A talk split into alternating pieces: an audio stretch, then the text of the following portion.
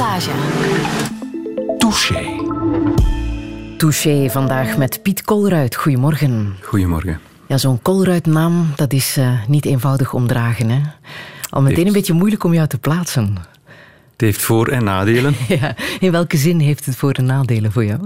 Um, het is moeilijk om anoniemer door het leven te gaan. Al wat ik doe, zelfs als ik benadruk dat het uh, een eigen initiatief is, niks met Kolruit te maken, onthouden mensen toch vooral dat het Kolruit is. En omgekeerd uh, heeft het ook voordelen natuurlijk, dat je meer aandacht uh, krijgt voor je boodschap en gevraagd wordt in een studio. Ja, en dat je hier zit. En uh, waar je momenteel mee bezig bent, is onder andere Sign for My Future, de grote petitie uh, waar we het straks ook uitgebreid zullen over hebben. Um, een beetje vertrokken vanuit je eigen bedrijf, Impact House, zullen we het ook over hebben, waarmee je wil inzetten op sociaal ondernemerschap. Maar je bent natuurlijk ook nog altijd wel bestuurder van de NV Coris, de holding die alle belangen van Colruyt verdedigt. Hm dat doe je ook nog natuurlijk. Hè? Ja, maar daar zit een logica in om van um, foundations, stichtingen, geefgeld te gaan tot en met beursgenoteerde of grote bedrijven. Daar zit uh, allemaal rond één doel en dat is impact maximaliseren. Dat is voor mij mijn drijfveer en dat kan, of we hebben alle structuren nodig, we hebben alle organisaties nodig, sociaal organisaties en bedrijven. Mm. Hoe zou jij jezelf omschrijven? Um, ik ben een denker, uh, geen doener. Ik heb andere mensen nodig om uh, zaken uh, te concretiseren. Ik geniet er ook van om dingen, complexe zaken helemaal te bedenken en, en, scenario's te schrijven en bedenken hoe dat het allemaal mooi in elkaar zou passen. Maar om het dan te gaan doen, heb ik andere mensen nodig. Ja, die je wel zover krijgt, die je wel kan overtuigen. Die ik soms kan overtuigen, ja. ja. Een bruggenbouwer, past dat ook bij jou? Ja, ik ben op zoek naar, als ik als doel heb om bepaalde ja, maatschappelijke veranderingen vanuit een bepaalde verontwaardiging tegenover zaken die fout lopen in de maatschappij, ja, dat kan je niet alleen, dat moet je met andere mensen doen. En dan zie ik dat er heel vaak gepolariseerd wordt en waarvan ik denk van nee, we zouden beter samenwerken en co-creëren en samen zoeken naar oplossingen. Maar je bent geen betoger? Ik heb uh, af en toe voor klimaatbetogingen uh, op straat gegaan, maar ik, ben, uh, ik ga niet vaak betogen. Nee. Je zet aan tot betogen. Zou dat juister zijn? Ik zet aan tot samenwerken en, en, en ik zet aan tot uh, ja, op een andere manier naar de maatschappij kijken, naar de economie kijken. En dat is wat uh, mij echt drijft. En ik denk dat door op een andere manier te gaan samenwerken, dat we veel meer kunnen bereiken. -hmm. Binnen de familie Kolruit um, heb je het over vier types, uh, heb ik ooit gelezen. Wat zijn die vier types binnen de familie Kolruit? Het is eigenlijk een, mooi verhaal. Mijn, mijn vader vertelde dat altijd, maar het was eigenlijk het eerste interview dat ik ooit gaf. Dat was in de tijd, denk ik, in 2012, waar ik dat verhaal vertelde. Van die vier types. Um, waren de commerçanten, mijn grootvader, dat was heel duidelijk. De commerçant die kon van alles verkopen. En dan had je de, het tweede type was meer de ingenieurs. Mijn vader, dat was duidelijk het voorbeeld van een ingenieur met de voor- en de nadelen van een ingenieur, zou ik zeggen. Dan was het derde type zo, de artiesten. In onze familie zijn er heel veel mensen die eigenlijk ook creatief bezig zijn en die fantastische mooie dingen maken. En dan het vierde type, dat waren dan de nonkelpaters en de tante nonnekes in de vorige generatie. En in onze generatie, dat waren meer de filosofen, de denkers.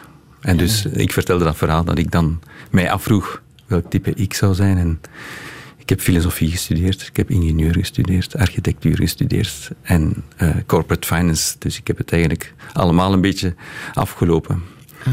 En dat verhaal vertelde ik in de tijd dan, in 2012. En dan kreeg ik een mail van mijn tante Annie, die toen al 83 was, denk ik, die mij zei, Piet, je vergeet één zaak. Je bent niet alleen een Kolruit, maar je bent ook een Emerijks, uw moeder. Uh, en dokter Frans Hemerijks was een Melaatse dokter die eigenlijk heel zijn leven gegeven heeft om met de Melaatse samen te werken. En dat was Mhm. een idealist. Piet, misschien zijn er wel ook een idealist. Niet onbelangrijk om dat er even bij te vermelden. Hè? Voilà, Ja. die. Ja. Het zal een combinatie zijn van het DNA van vader en moeder. Ja. En als ik er nog één iets kan aan toevoegen, je bent ook een goede chauffeur, zeg je van jezelf. Ik denk dat de meeste mensen denken van zichzelf dat ze een goede chauffeur zijn, zijn maar uh, ik vind dat inderdaad van de nee. Mijn En vrouw hoezo? vindt dat Waarom- totaal waarom, niet, uh, omdat ik soms een beetje, ja... Uh, ik geniet ervan bijvoorbeeld om rustig aan 120 per uur iemand voorbij te rijden die 118 per uur rijdt. En dan zijn er mensen die achter mij met hun lichten doen en zo. Dat zijn van die flauwe dingen waarvan ik eigenlijk denk van ik zou dat beter stoppen en gewoon direct plaatsmaken. Terwijl ik vind, ja maar nee, de maximumsnelheid is 120, dus ik rijd 120. dat is een ergerlijk gedrag voor sommige mensen. Ja, maar jij houdt vol. Ik ga misschien ooit wel een keer veranderen. Piet Kolleruit, welkom in Touché. Radio 1. 1. Friedel Massage. Touché. Dit is een lied voor de mensen die zorgen dat morgen de mensen al dood zullen zijn. Dit is een lied voor de doden van morgen, begraven gekist in een stenen woestijn. Laat ons een bloem en wat gras dat nog groen is. Laat ons een boom en het zicht op de zee. Vergeet voor één keer hoeveel geld een miljoen is. De wereld die moet nog een eeuwigheid mee.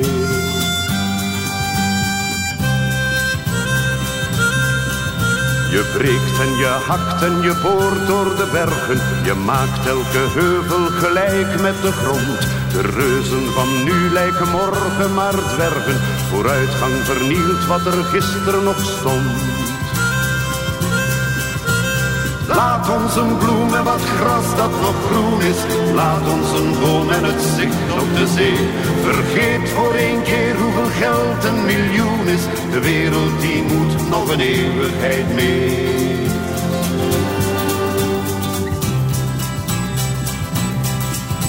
De vis in de zeeën vergiftigd gestorven, het zand op de stranden vervuild door mazoet.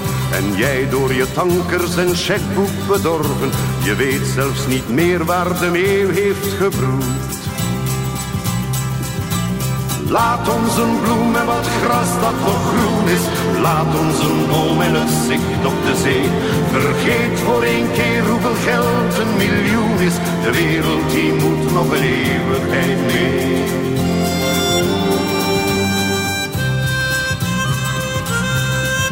En zo zal dan morgen het leven verdwijnen, verslagen door staal en gewapend beton.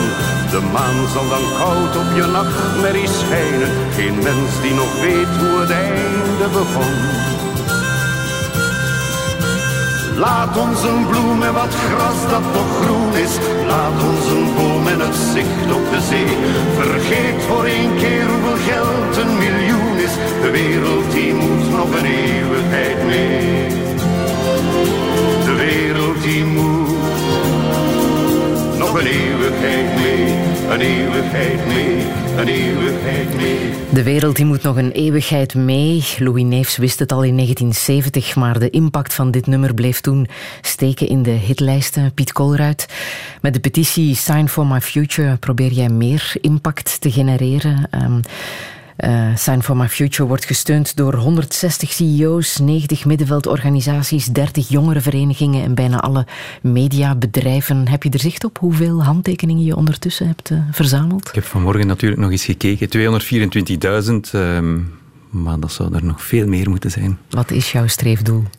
We, hebben geen streefdoel erop geplakt, maar uh, eigenlijk zou ik liever 10 miljoen of 11 miljoen hebben handtekeningen in België. En Alle allemaal mensen die gewoon zeggen van, kijk, we beseffen de dringendheid en we beseffen dat een overheid nodig is, een sterke, visionaire overheid die op lange termijn in het algemeen belang denkt, die moet maatregelen nemen die niet altijd plezant zijn. En dus we hebben daar gewoon, ja, een heel goede aanleiding, namelijk nu de verkiezingen. We hebben het IPCC-rapport van 2018 die nog eens heel duidelijk zegt van kijk, we hebben elf jaar om die overgang te maken. Um, als we nu niks doen en we verliezen weer vijf jaar, dan is het echt onmogelijk. Dus ik denk echt absoluut dat het nu noodzakelijk is om vandaag massaal een, massa, een, een mandaat te geven, een mandaat te geven aan de volgende regering om de maatregelen te nemen die nodig zijn. En het zijn belangrijke mensen die die oproep doen. Onder andere chef Kolruit heb je kunnen overtuigen. Hm. Jouw eh, neef, hij heeft de radiospot ingelezen, hè? wil ik even laten horen. Hallo, ik ben chef Kolruit en ik teken voor mijn kleinkinderen en achterkleinkinderen. Zij moeten tenslotte verder met de gevolgen van de klimaatverandering. Daarom teken ik voor hen. En jij? Waarvoor teken jij? Teken nu op signformyfuture.be. Touché. Waarom moeten we precies tekenen? Zoals ik al zei, een, een, een grote energietransitie of een, een, transitie in het algemeen naar een ander soort, uh, ja, naar een CO2-neutrale samenleving in 2050. Uh, om zoiets te kunnen realiseren, natuurlijk moeten we allemaal individueel ons gedrag aan, aanpassen. We moeten wat minder vliegen en we moeten misschien wat minder vlees eten en we moeten op een andere manier ons verplaatsen en anders gaan wonen. En bedrijven moeten natuurlijk ook nieuwe dingen bedenken en, en nieuwe uh, zaken, nieuwe producten, nieuwe diensten aanbieden. Maar zij alleen gaan dat niet spontaan doen als we niet ook een overheid hebben die zegt van kijk, we, moeten misschien door subsidies of door taxen of door verbodsdingen af, af te schaffen. We hebben die overheid nodig om op lange termijn die switch te kunnen maken. Anders uh, gaat het niet lukken. We hebben dat ook gezien. Het is niet de overheid zelf, of het is niet de KLM en, en, en Sabena in de tijd die die vlieghavens gebouwd hebben. Nee, het is een overheid die eigenlijk geïnvesteerd heeft om dingen mogelijk te maken, om bepaalde, uh, ja, de wegen hetzelfde. Het is niet uh, Ford en, en, en, en Audi die die wegen gebouwd hebben. Nee, het is een overheid die een bepaalde investeringen doen om een bepaalde richting uit te gaan met de maatschappij. En als we naar CO2-neutraliteit in 2050 willen gaan, is dat absoluut nodig dat de overheid ook daar maatregelen toeneemt. En dat hebben ze in het verleden te weinig gedaan. En daarom denken we dat een mandaat geven nu, op deze moment, voor de volgende verkiezingen essentieel is. Het gaat over drie punten: hè? de klimaatwet, de, het investeringsplan en uh, een onafhankelijke klimaatraad. En over die klimaatwet, dat is even spannend geweest uh, afgelopen week. Ja. Uh, maar klimaatwet, uh, op zich zijn er een aantal zaken. Wij waren met Sign for My Future al twee jaar geleden begonnen. En dan waren er in één keer evoluties zoals die klimaatmarsen en Greta Thunberg en, en Kira Gantois en, en Anuna de Wever. Dat waren dingen die we niet voorzien, maar die allemaal meehelpen in dat bewustzijn verhogen. Um, een andere zaak die wij ook voor ogen hadden, we moeten in de volgende regering naar een klimaatwet gaan die, die CO2-neutraliteit in 2050 verankert. En dan kwam in één keer ja, Groen en Ecolo met, met een voorstel om dat nu nog voor de, voor de verkiezingen te gaan regelen. En dan wisten we niet goed, wat moeten we daar nu doen? Ja, natuurlijk zijn we voor een klimaatwet, dus in die zin dachten we dat te gaan steunen, maar we wouden absoluut, en we zijn ook echt uh, politiek neutraal met Sign for My Future. Het zijn zowel vakbonden als werkgevers, universiteiten, studenten, um, bedrijfsleiders, sociale organisaties, milieubewegingen, allemaal samen zeggen van we gaan nog niet invullen hoe dat het er moet uitzien. En we denken dat het beter is dat na de verkiezingen een grote meerderheid zegt van oké, we gaan ervoor en wij zullen samen beslissen welke maatregelen het zullen zijn, of het subsidies of taxen zullen zijn, of op welke manier dat we dat gaan doen. Maar dus die zoektocht naar van wat is de beste manier om ergens te geraken. Ja, af en toe kromde dan onverwacht in één keer in een discussie over grondwetsartikel 7 bis, dat moet gewijzigd worden of niet. Ja, dan hebben wij ons echt moeten informeren. Is dat essentieel? Is dat essentieel om dat nu te doen? En ik begrijp dat het echt wel heel belangrijk is dat dat zou kunnen gewijzigd worden, omdat anders uh, de Raad van State zegt dat een bindende klimaatwet moeilijk mogelijk is. Dus misschien is het inderdaad essentieel. En dan werd die twee weken geleden afgekeurd, maar nu toch misschien voor herziening vatbaar verklaard. Dus ik denk dat dat een goede zaak is, maar dat we wel moeten gaan naar een klimaatwet met de volgende regering. En hopelijk hebben we een grote meerderheid, en liefst van mijn part, een regering van nationale eenheid die zegt van we gaan ervoor. -hmm. En hoe was het voor jou om dan te zien begin dit jaar dat twee jonge meisjes die uh, klimaatzaak, uh, de klimaatspijbelaars, uh, op straat kwamen? Ik vind dat fantastisch op welke manier dat zij erin slagen om iets op de agenda te kunnen zetten waar wetenschappers al jaren in moeilijke terminologie blijkbaar niemand kunnen meekrijgen en zover kunnen krijgen om dat echt hoog op de agenda te plaatsen. En dan is dat ongelooflijk dat Greta in, uh, in het noorden en bij ons, Kira en Anuna, ja, dat ook in slagen om dat echt weer meer op de agenda te zetten. En voor mij ja, waarom hebben wetenschappers zoveel, ja, zo lang heel duidelijke rapporten geschreven en heeft dat weinig gehoor gehad? Ja, dat gaat onder andere omdat dat over tonnen CO2 gaat, maar dat zegt de mensen niks, tonnen CO2. Mm -hmm. Of inderdaad 10 centimeter of 20 centimeter zeewaterspiegelstijging. Ja, wat is het probleem als je eb en vloed hebt waar dat drie meter verschil is of twee graden warmer? Wat is het probleem als het 20 of 22 is in de zomer en min 5 of min 7 in de winter? Wat is het probleem? En het is pas door op een andere manier dat uit te leggen, dat je eigenlijk ziet van ja, maar dat is echt een gigantisch probleem. Die twee graden of vier graden of zes graden verschil. En ja, het is de spontaniteit en de authenticiteit waarmee Anuna en Kira dat in België op de kaart gezet en is ongelooflijk uh, belangrijk. Ja, je bent ze van heel dichtbij gaan volgen. Ondertussen kennen jullie elkaar ook wel een beetje. Maar je schrikt ook van uh, de uh, negatieve bashing die ze ondergaan. Hè? Want ja, dat is zijn een van mensen de dingen... heel erg grote fan van die jongere generatie. Maar ja. er is ook een andere kant. Hè? Er zijn ook... Eigenaardig genoeg leidt dat echt ook tot polarisering. Mm -hmm. dacht, zij roepen altijd op om allemaal samen dingen te doen. En blijkbaar leidt dat in België of in Vlaanderen tot polarisering. Zijn er mensen die inderdaad hen moeten verwijten dat ze in Werchter hun tentjes laten slingeren of te veel het vliegtuig te nemen of elk jaar een nieuwe gsm willen hebben. Ja, nee, allee, dat zijn, natuurlijk gaat het ook over individueel gedrag, maar zij leggen wel de vinger op de wonden dat we allemaal samen. Dus, en, sommige dingen zullen pijn doen. We zullen minder moeten gaan vliegen en we zullen minder vlees moeten gaan eten in de toekomst. Maar zij tonen tenminste aan. En dan, dan doet het mij echt wel pijn als ik sociale media volg, op welke manier dat die uh, ja, 17-jarige of 19-jarige um, echt op een laffe manier soms, volgens mij, met anonieme commentaren van dat ze er niks van afweten. Ik ben er zeker van dat zij veel meer van het klimaat en de klimaatproblematiek afweten dan 90% van de Vlamingen. Mm -hmm. Sign for My Future kreeg ook kritiek, zowel van rechtse kant als van linkse kant. Rechts ziet het als een campagne voor groen en links ziet het als een greenwashing-initiatief van een aantal bedrijven. Hm. Hoe kwam die kritiek bij jou binnen? Ook dat, eerlijk gezegd, hadden we dat niet verwacht. Als we dat in onze voorbereiding van Sign for My Future hadden we inderdaad naar bedrijven gegaan, naar milieubeweging, naar vakbonden. En iedereen was enthousiast. En ook naar media. Uh, ongelooflijk hoeveel positieve respons dat we dan kregen. Dus wij dachten echt van, we gaan hier met een campagne echt een verschil kunnen maken. En dan vanaf dat het gelanceerd was, zoveel negatieve commentaren, dat hadden we had ik niet zien aankomen in elk geval. Misschien was dat een beetje naïef van mij. Maar Begrijp als, je die commentaren? Ik, uh, blijkbaar als je oproept om allemaal samen, en de vraag is hoe ver gaat dat allemaal samen? En in onze overtuiging was zo ja, dat we niet alleen de groen- en ecolo-kiezers moeten overtuigen, dat we dan ja, 10, 20 procent van de mensen gaan bereiken. Maar dat het echt ook belangrijk is dat de CD&V en Open VLD en ook N-VA-kiezers echt overtuigd zijn van kijk, we kunnen daar samen iets aan doen, elk voor zijn redenen. Misschien is het omwille van dat dat ongelooflijk goed gaat zijn voor de Vlaamse economie, of misschien is het goed om, om zo bij, wijze van spreken minder vluchtelingen te hebben, of gelijk welke reden, maar klimaat vooraan plaatsen en klimaat als echt een zeer belangrijk topic zien, ja, dat is voor mij duidelijk en ik verschiet ervan ja, dat er zoveel blijkbaar ja, reacties tegenkomen als je oproept om samen en dan bedrijven met groene bewegingen samen, wordt dat dan inderdaad zo door sommigen gezien als zijn de greenwashing van bedrijven en dan negatief weggezet.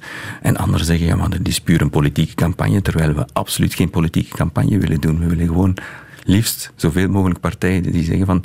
En ik zat in een debat van... Nee, ik zat niet in een debat bij de boekvoorstelling van... Wij zijn het klimaat van van... Kira en Anuna, was er een debat nadien met zes politieke partijen. En er, de vraag werd gesteld, ja, wat is het doel in 2050? En alle zes partijen hebben bevestigd dat ze eigenlijk een CO2-neutrale samenleving in 2050 willen.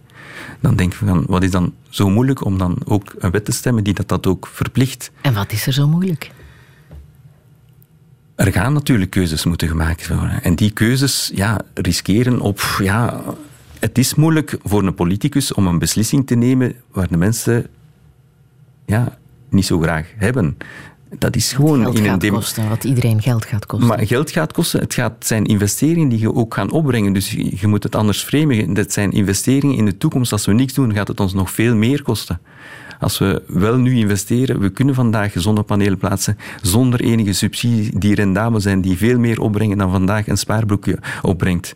We kunnen allemaal samen in sociale huisvesting investeren, die eigenlijk veel energiezuiniger is. We kunnen allemaal samen in windmolenparken investeren, die allemaal meer opbrengen dan dat ze kosten. Dus er zijn ook positieve zaken. Maar nog eens, er zijn een paar zaken ja, die, we, die we ons gedrag gaan moeten wijzigen bedrijfswagens is zo'n kritiekpunt natuurlijk.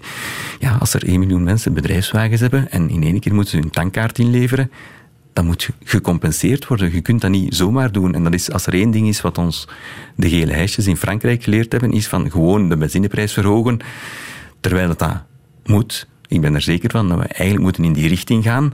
Maar je moet dat compenseren. Het zijn niet de mensen in armoede die moeten de dupe zijn van meer ecologische maatregelen. Nee, je moet hen helpen om dat ook te aanvaarden. En we zijn als maatschappij rijk genoeg om dat ook te doen. Ja, maar daar win je ook geen verkiezingen mee, hè?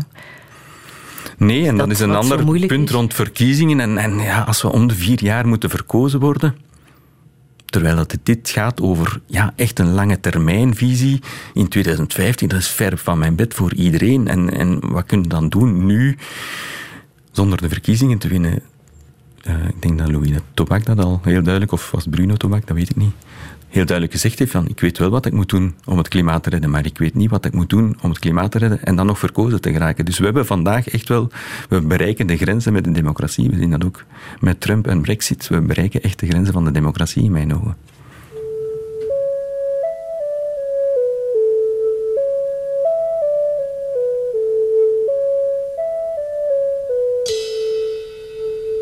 If they saw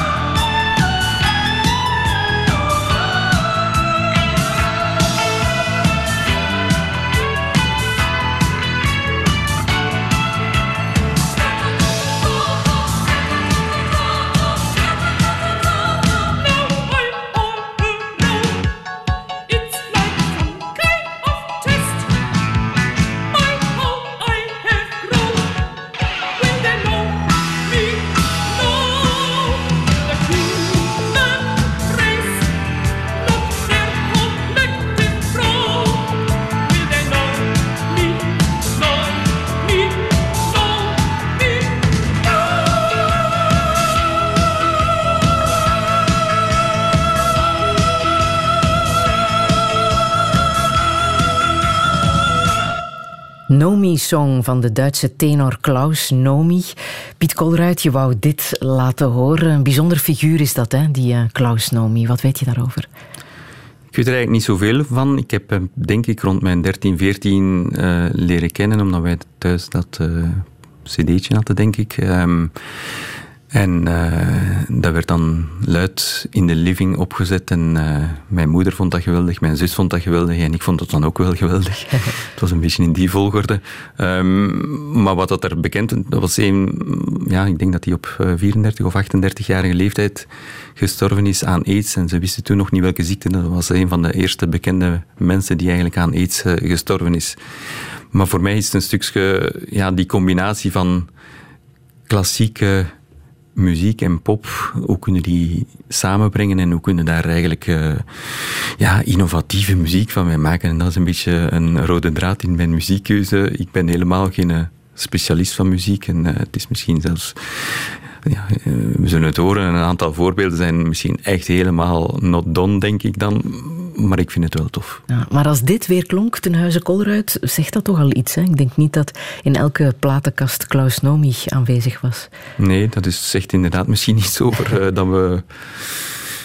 Ja, een van onze het meelopen met mensen, allee, of eh, ja, als schaapjes allemaal volgen, dat was not done bij ons. Dan kom je nergens dan kom je misschien wel heel ver samen. Maar het was een stukje zoeken van hoe kan je je eigenheid niet verliezen en proberen te zoeken naar, ja, ja en een beetje anders zijn als een positieve, als een meerwaarde zien. En mhm. uh, soms is dat even onnozel bij wijze van spreken dan meelopen, want je wilt je altijd afzetten dan. Dus, maar dat was toch iets dat uh, gemeenschappelijk was binnen ons. Deden je ouders dat zelf ook? Ik denk dat mijn vader ook wel een koppige iemand was die graag ook zijn eigen zin deed. Maar dat zit ook in het algemeen in DNA. Ik ging niet te veel vertellen over Colruyt, maar bij Colruyt herinner ik mij nog ook als ik eh, als architect begon en ik heb ooit eh, de vraag gesteld van ja, maar waarom zetten wij supermarkten boven de parking en niet de parking op de supermarkten, zoals de meeste Deleuze en, en Carrefour dat doen. En dat was het antwoord van mijn vader. Ja, tot een aantal voordelen. Je kunt dan droog parkeren daaronder en we moeten minder hoog. Je moet maar drie meter stijgen, waardoor dat je een lift kunt vermijden en gewoon met een rolpad gaan. Maar eigenlijk de belangrijkste reden is om anders te doen dan anderen. En dus dat zoeken naar, ja, kunnen we het niet op een andere manier doen? Dat creatieve, mhm. dat zit er ook wel in het algemeen in het DNA. Ja. Jouw vader, eh, wat uh, was of is hij binnen de familie Kolruit? Um, hij was de zesde, het zesde kind van binnen een, een gezin met negen kinderen. Dus Frans mijn, mijn grootvader is, Frans Kolruit, die in de bakkerij van zijn vader, uh, in Lembeek, andere dingen begon te verkopen. In 1928 begon hij eigenlijk wat dat vandaag ja, Colruyt Groep is geworden.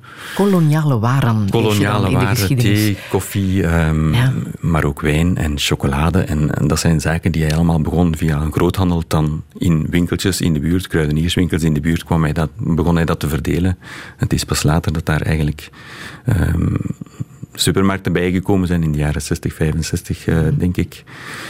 Um, en dus mijn vader was een van de drie broers die in het bedrijf uh, gegaan zijn. Mijn vader was een ingenieur, zoals ik al zei.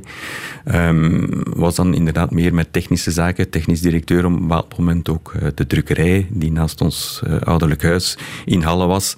Daar was hij verantwoordelijk voor en het was heel duidelijk dat zijn oudste broer, Jockelruit, die Frans opgevolgd heeft, uh, uh, dat dat duidelijk de baas was en de inspirator. En, de, en dat mijn vader en mijn uh, nonkel Fang, dat die eigenlijk elk een, een, stukje een andere rol kregen. Maar het was heel duidelijk dat er maar één haan op de mestsoep zat en dat dat de baas was. En, en was dat goed? En ik denk dat dat sowieso heel goed was. En, en dat we, en we allez, ik spreek nu over de drie broers, maar uiteindelijk hebben ook de zes anderen heel de zussen hebben een ongelooflijk belangrijke rol gespeeld in de zin van dat ze altijd hun broers gesteund hebben.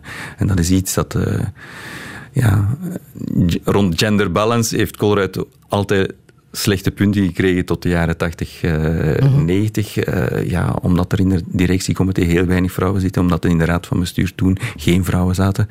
Vandaag is dat helemaal veranderd en ik denk dat we drie of vier vrouwelijke bestuurders hebben bij Colruyt van, de, nee, van de acht of... Ja. Maar hoe was het dan voor jou als, als kind, als puber, om in die familie groot te worden? Om dat verhaal ook mee te krijgen van uh, dat groeiende ondernemerschap? Het was onder andere door in Halle groot te worden en in, in Halle met die achternaam groot te worden, word je altijd bekeken als een Colruyt. Dat is, ah, dat is een van de firma, een van de Colruyt. Natuurlijk in, in Halle, ja, dat is de grootste werkgever. Er zijn ik weet niet hoeveel gezinnen die daar werken ook. En dan als ik op de voetbal kwam en ik moest gewoon uh, mijn... Uh, hoe noemt dat? Uh, mijn schoenen laten zien aan de, voor de match.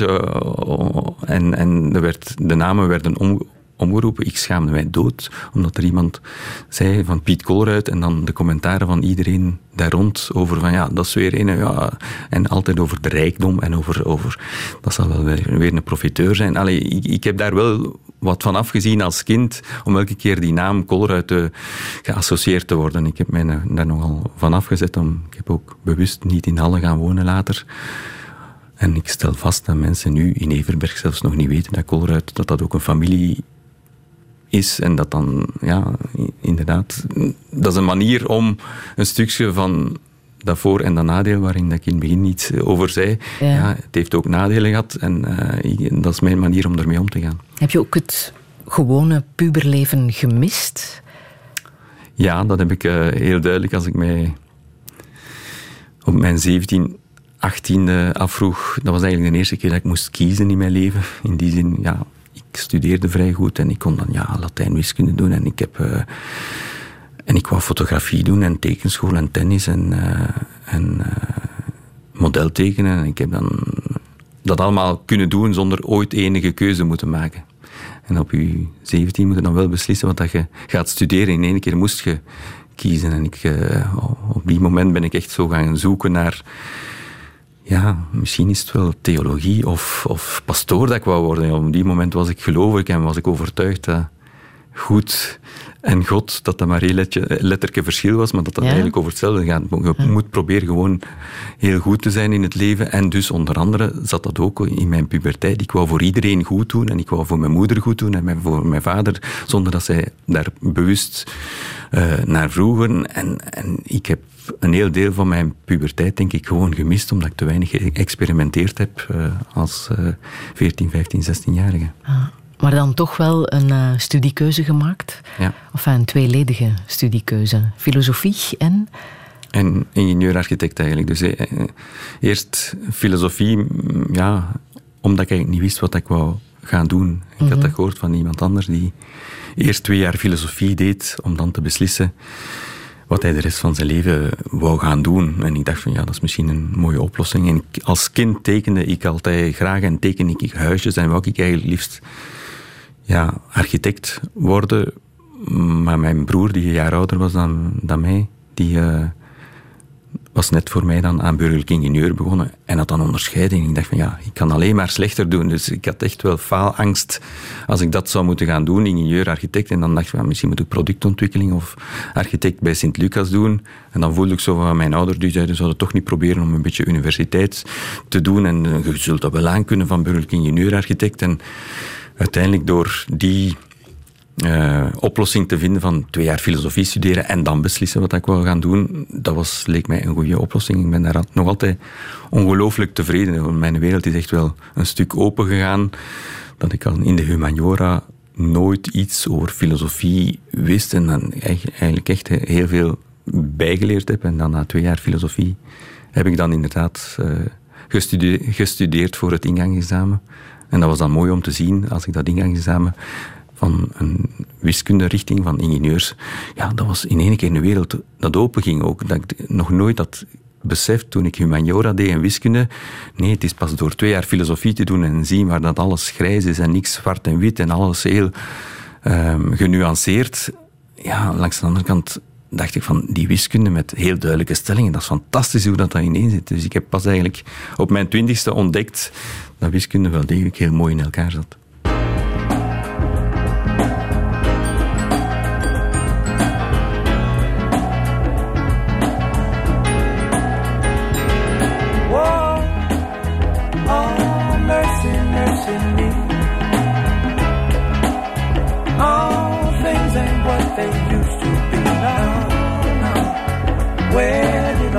blue skies go.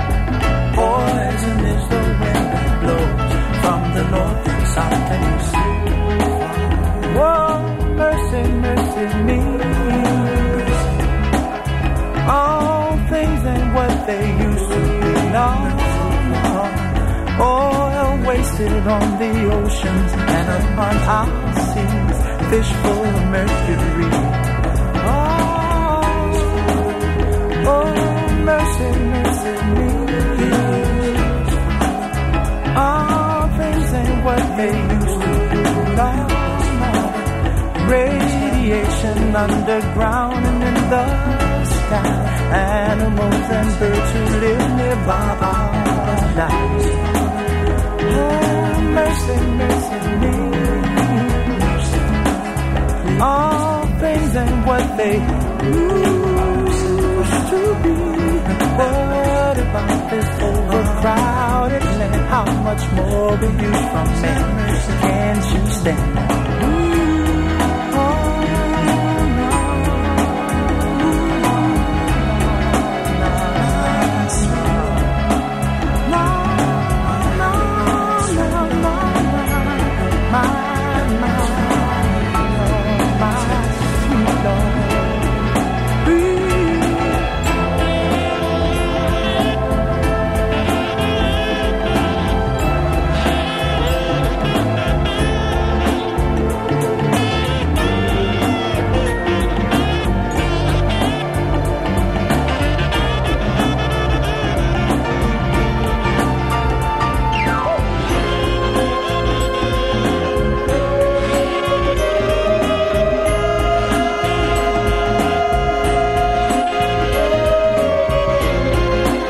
Mercy, Mercy Me van Marvin Gaye, een nummer uit 71. Hij was ook behoorlijk maatschappijkritisch, Piet Colruyt.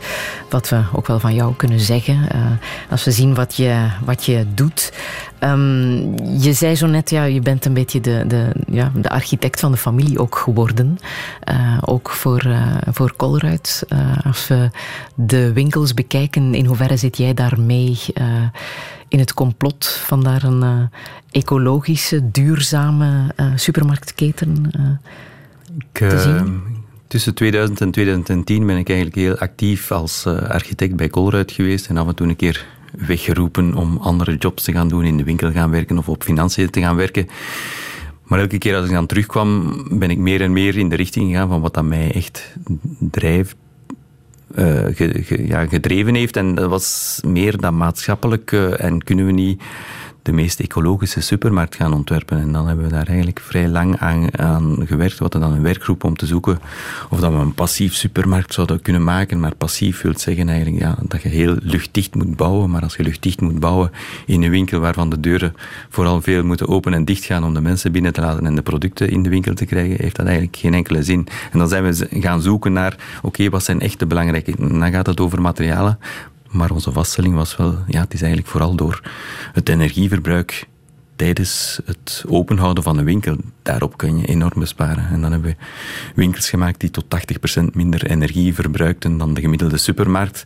En dat waren wel, ja, daar kreeg ik dan een stuk mijn, ja, passie in kwijt. Samen met, ja, proberen mooiere winkels te maken. En als je de eerste winkels van de jaren 70 vergelijkt met wat dan we nu bouwen, dan zijn dat inderdaad grote vooruitgang. Um, maar dat is nog altijd natuurlijk geen toparchitectuur. Het moet zeer uh, functioneel allemaal ja. Maar toch, uh, dat lijkt mij heel nuttig, wat je al die jaren hebt gedaan.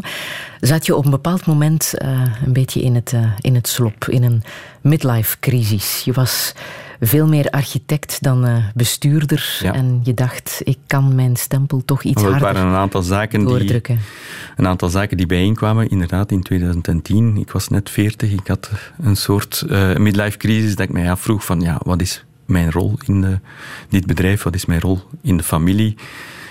En het is eigenlijk door dan sociaal ondernemerschap te ontdekken, door een boek te krijgen, How to Change the World, waar voor het eerst die combinatie sociaal en ondernemen voor mij echt wel heel uh, fascinerend was. Ik las dat boek in één trek uit met veertig voorbeelden van mensen die heel gepassioneerd uh, bleven zoeken naar oplossingen en oplossingen voor maatschappelijke problemen. Dus vertrekkende vanuit een verontwaardiging, uh, kijken van, ja, je kunt dan op de barricade staan en roepen dat andere mensen allemaal dingen moeten veranderen, of je kunt het zelf proberen iets aan te doen.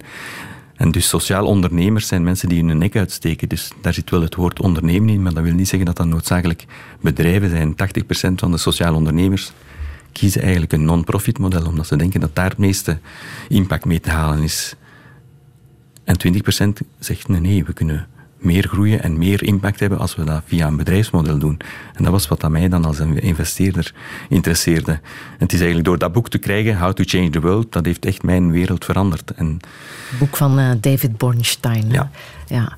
En in hoeverre heeft het dan jouw wereld veranderd? Wat heb jij toen allemaal in Wel, jouw samen met, met mijn eigen zoektocht ook familiaal waren we met onze familieholding, waar ik een van de vier bestuurders was, ons aan het afvragen van ja, wat is nu het gemeenschappelijk, wat willen we allemaal gaan bereiken? En dan stelde ik vast dat ik elke keer misschien nog wat verder wou gaan in het so- sociaal-maatschappelijke en misschien wat minder winst wou maken om meer te kunnen doen. En dan stelde ik vast, ja, maar dat gaat moeilijk als beursgenoteerd bedrijf of als familieholding misschien. En dan ontdekte ik dat er twee soorten, wat dat we dan noemen, impact investeren. Impact investeren wil zeggen investeren om zowel goed te doen als goed te boeren. Dus doing good en doing well combineren.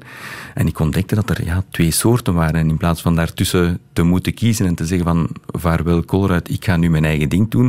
Ik dacht, ja, misschien hebben ze wel gelijk. Mijn neven die tien jaar ouder en wijzer waren dan ik, dat de beste manier om veel impact te hebben is met een zeer bedrijfseconomisch model dat goed draait en dat je nog veel meer impact kunt hebben. Terwijl mijn hart eerder zei van ja, maar nee, er zijn ook zaken die misschien niet direct in een businessmodel te gieten zijn, waar dat je eigenlijk meer impact kan hebben door hoger risico te nemen of lager rendement te aanvaarden. En, in is plaats van die keuze te moeten maken, dacht ik van misschien moet ik ze gewoon alle twee doen en proberen juist die twee te verbinden. En dat is wat ik sinds 2010 een stuk probeer te doen. Dat is die bruggen bouwen tussen non-profit en for-profit, tussen sociaal ondernemers en grote bedrijven. Ja, en nu is er ook het Impact House in Brussel, ook fysiek echt een huis in Brussel, waar eh, bedrijven eh, zich nestelen. Eh, wat gebeurt daar precies in dat bedrijven Impact en non-profit organisaties. Dus het is iets dat we vorig jaar, exact een jaar geleden eigenlijk, gecreëerd hebben. Het is een materialisatie van die visie, en wat dan wij noemen een ecosysteemvisie. Dat eigenlijk iedereen die rond impact eh, wil samenwerken en dat dat eigenlijk niet zo belangrijk is of dat dat nu for-profit of non-profit is. Je moet zoeken naar het beste model. En door die dan te zeggen van alle organisaties, zowel eh, VZW's als echt bedrijven, die willen gaan voor een positieve maatschappelijke impact, door die samen te zetten en elkaar te laten eh, inspireren, kunnen we veel meer impact hebben. Werkt en wat het? Ja, en wat ik heel hard geloof, is dat sociaal ondernemers, die specifieke categorie, die zo gepassioneerd, gedreven, bijna geobsedeerd bezig zijn met oplossingen zoeken, dat die altijd vijf jaar voor zijn in het spotten van trends en in het zien van oké, de maatschappij gaat in die richting evolueren of we willen dat die in die richting evolueert. En door daar in contact mee te zijn, kan je ook businessopportuniteiten, ook voor bedrijven is dat interessant als we... Als En we- zoals, kan je zo'n voorbeeld ik, geven? ik geef vaak het voorbeeld van Tobias Leenaert, dat is de uitvinder van Donderdag Veggie-dag. En zijn verhaal, eigenlijk pro- promoot hij vegetarisme met Eva eh, in Gent. Maar hij heeft dat op een originele manier gedaan, door eigenlijk eh, te zeggen, in plaats van te roepen en te zeggen van dat iedereen die vlees eet een moordenaar is, door te zeggen van nee, als we nu een keer allemaal één dag in de week geen vlees zouden eten, dan gaat dat eigenlijk direct 15% minder dierenleed veroorzaken. Want 15% één dag in de week is ongeveer 15%. En dan doe je meer dan die vegetariërs die staan te roepen. En eh, zijn verhaal is, omwille, hij heeft dat echt begonnen omwille van het dierenleed. Ehm, maar hij heeft ook gezegd, ja, maar voor het klimaat is dat ook ongelooflijk belangrijk dat we minder vlees eten. En, het is ook nog veel gezonder. Dus eigenlijk zou het ook veel interessanter zijn om gewoon minder vlees te eten. En als we 10 miljard mensen in de wereld willen voeden, ja, zal, zal dat plantaardig moeten zijn. Want we hebben niet de oppervlakte om iedereen vlees te laten eten elke dag. En met die argumenten had ik hem eens uitgenodigd bij Vlevico, vlees via de Colruyt, de grootste slager van het land. En ze zaten allemaal nogal in het defensief. Eh, het management van Vlevico, toen Tobias zijn verhaal kwam vertellen. Maar het heeft wel een stuk gewerkt. We hebben dan inderdaad beslist om de fabriek die we wouden bouwen en dan we gebaseerd hadden op een groei van 10% per jaar, hebben we gedacht, misschien gaat de vleesconsumptie wel dalen en gaan de porties kleiner worden. We hebben beslist om het 30% kleiner maken, die nieuwe fabriek. We hebben beslist om twee lijnen te maken, één voor vlees en één voor vegetarische producten. En we zien inderdaad, na veel jaren waar dan we heel veel van die vegetarische alternatieven hebben moeten weggooien, zien we dat dat nu inderdaad begint echt wel te groeien en te stijgen. Mhm. En als ik in 2012 Tobias vroeg van wat is het beste alternatief, dan sprak hij van een klein Nederlandse sociale onderneming die in de vegetarische slager een soort kippenreepjes eh, aanbood die veel lekkerder waren dan de tofu, die ook een fantastische toffe beet hadden. Met de juiste kruiden kunnen daar perfecte eh, alternatieven voor kip van maken. En als we dat dan zeggen, ja, dat bedrijfje, we hebben dat twee jaar geleden, drie jaar geleden gekocht en we zien dat dat fantastisch goed draait nu. Dus wat ik wil zeggen is, grote maatschappelijke uitdagingen zijn business-opportuniteiten. Als je oplossingen daarvoor vindt, en dat is wat we in het Impact House willen doen. Ah, je bent nog altijd architect en je bouwt aan een betere maatschappij, een betere samenleving. Ik heb inderdaad ook vastgesteld van dat sociaal ondernemen, dat dat, dat niet zoveel verschilt wat dat architecten doen. De meeste architecten willen ook niet alleen ja, willen schonere, een schonere wereld achterlaten, willen mooiere gebouwen zetten. Je moet dat niet doen voor veel geld te verdienen. Een architect verdient niet veel geld. Maar, maar er zit wel een gelijkenis in. Van, het is niet alleen de gebouwde omgeving, maar het is eigenlijk helemaal de maatschappij die we willen bouwen.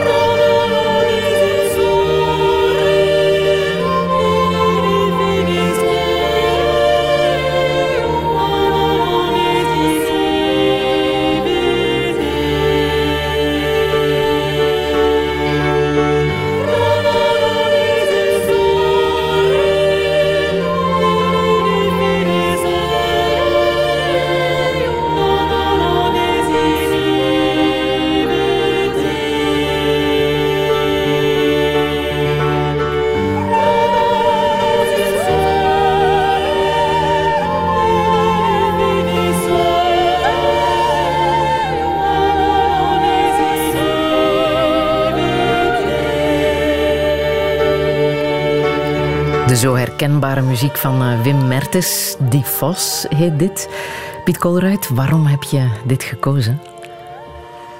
Ik heb zelf eh, vijf jaar piano gespeeld en voor mij was dat het enige nummer dat ik nog eigenlijk kan spelen. Echt waar? Je dan, speelt eh, dit? Ik speel dit eh, af en toe zelfs als er geen publiek is. Met de zanger erbij dat ik dan probeer. Maar eh, als ik ergens een piano zie staan, dan is het meestal dat nummer dat even uit mijn vingers rolt.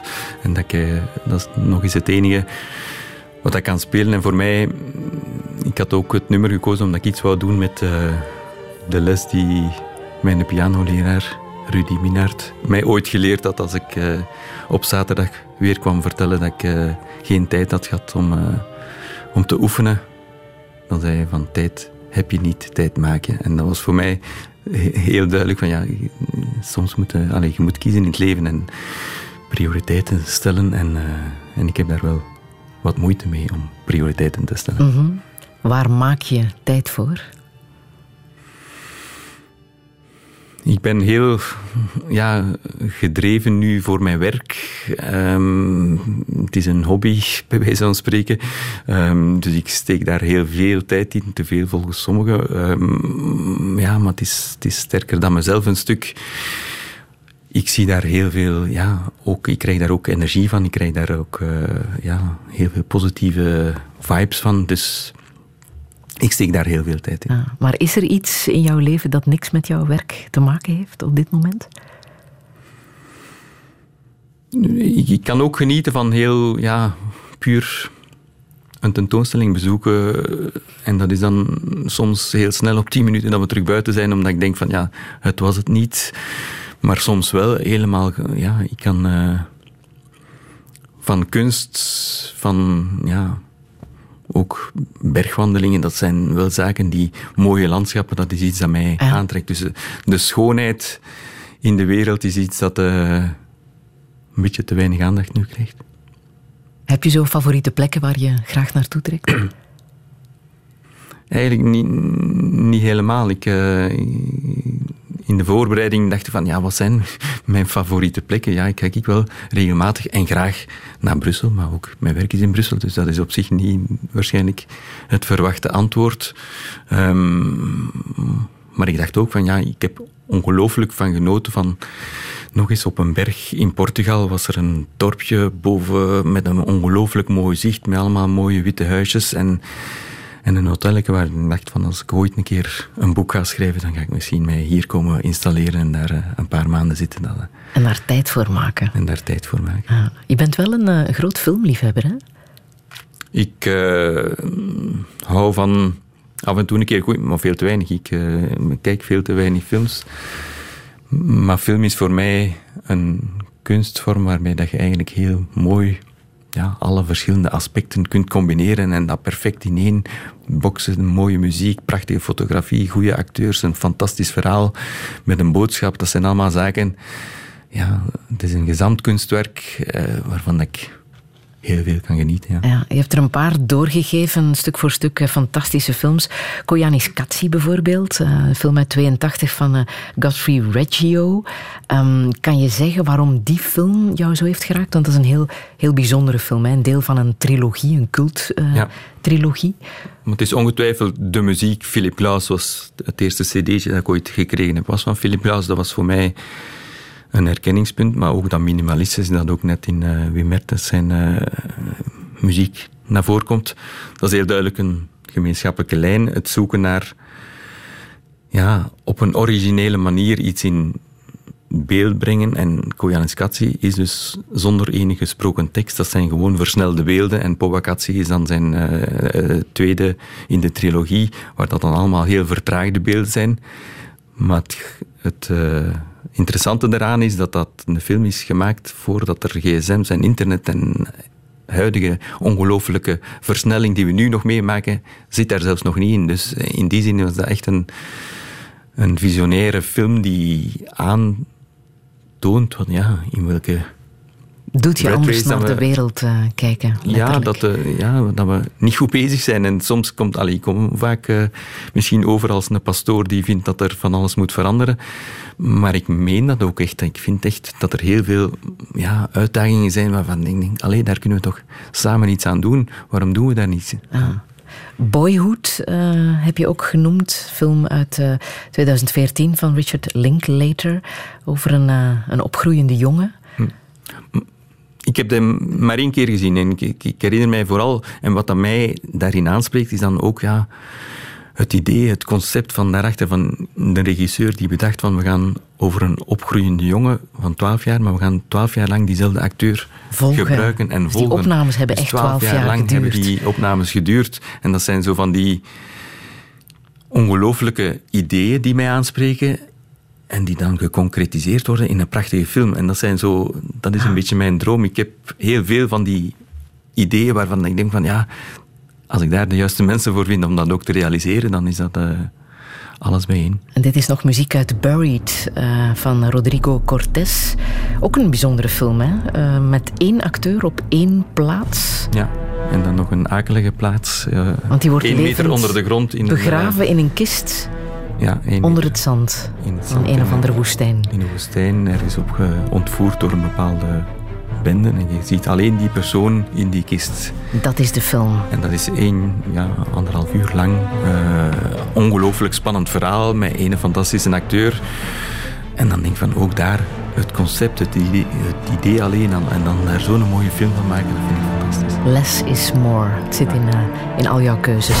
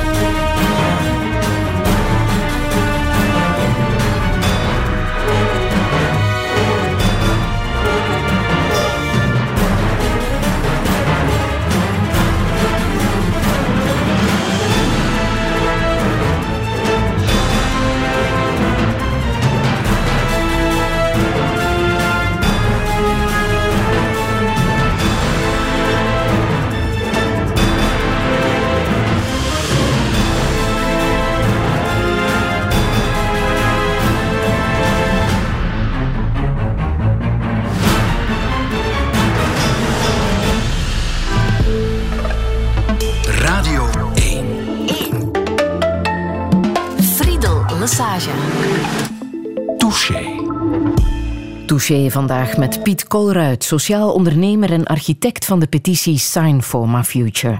Met deze klimaatkreet wil hij samen met tal van ondernemers en organisaties impact hebben op het beleid in ons land. Want de toekomst is niet veraf meer en ze dreigt ons fataal te worden. Natuurlijk hoort ook hij de kritiek dat hij als rijke ondernemer vooral in zijn eigen toekomst zou voorzien, naïef is en aan greenwashing zou doen. De criticasters raadt hij aan How to Change the World van David Bornstein te lezen. Het boek dat hem midden in zijn midlife-crisis een nieuw perspectief Maar hoe moet het verder? Zit de democratie onze politici in de weg? En wat betekent geld voor hem? Dit is Touché met Piet Kolruit. Een goede middag.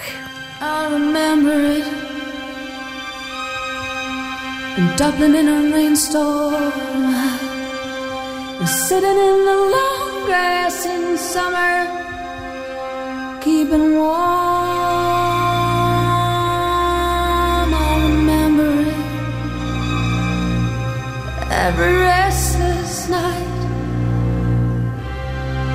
We were so young then, we thought that everything we could possibly do was right. And we moved, stolen from our very eyes. And I wondered where you went to. And tell me, when did the light die?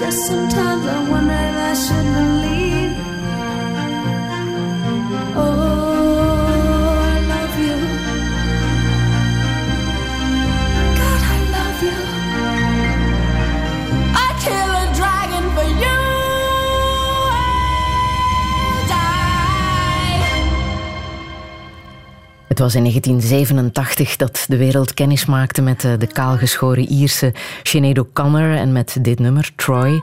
Tegenwoordig heet ze Shuhada David en heeft ze zich bekeerd tot de islam. Ehm, Piet Kolruit, hoe heb jij haar muziek leren kennen? Was het met dit nummer? Ehm, inderdaad, ik eh, denk dat in 1990 was de eerste keer mijn eerste Werchter, waar ik Ja. eh, echt onder de indruk was van een vrije, kortgeschoren dame op een podium die zo'n krachtig nummer ga, eh, dat ik helemaal onder de indruk was. Ehm, ik heb ook achteraf gisteren pas gelezen, inderdaad, dat ze tot de islam bekeerd was.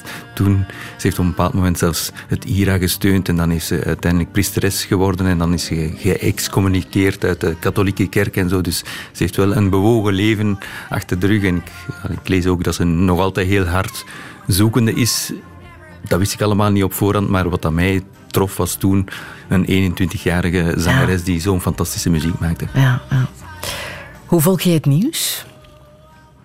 Ik eh, lees kranten en eh, zit te vaak gewoon in de auto naar de radio te luisteren. Dus ik... eh, we hebben een tijd twee kranten gehad. Nu is het meer in het weekend dat ik echt tijd neem om de krant te lezen. En voor de rest vooral de radio. Heb je dan de kop gezien in de krant dit weekend in de standaard? Kolruit schrapt veehandelaar uit aankoopketen.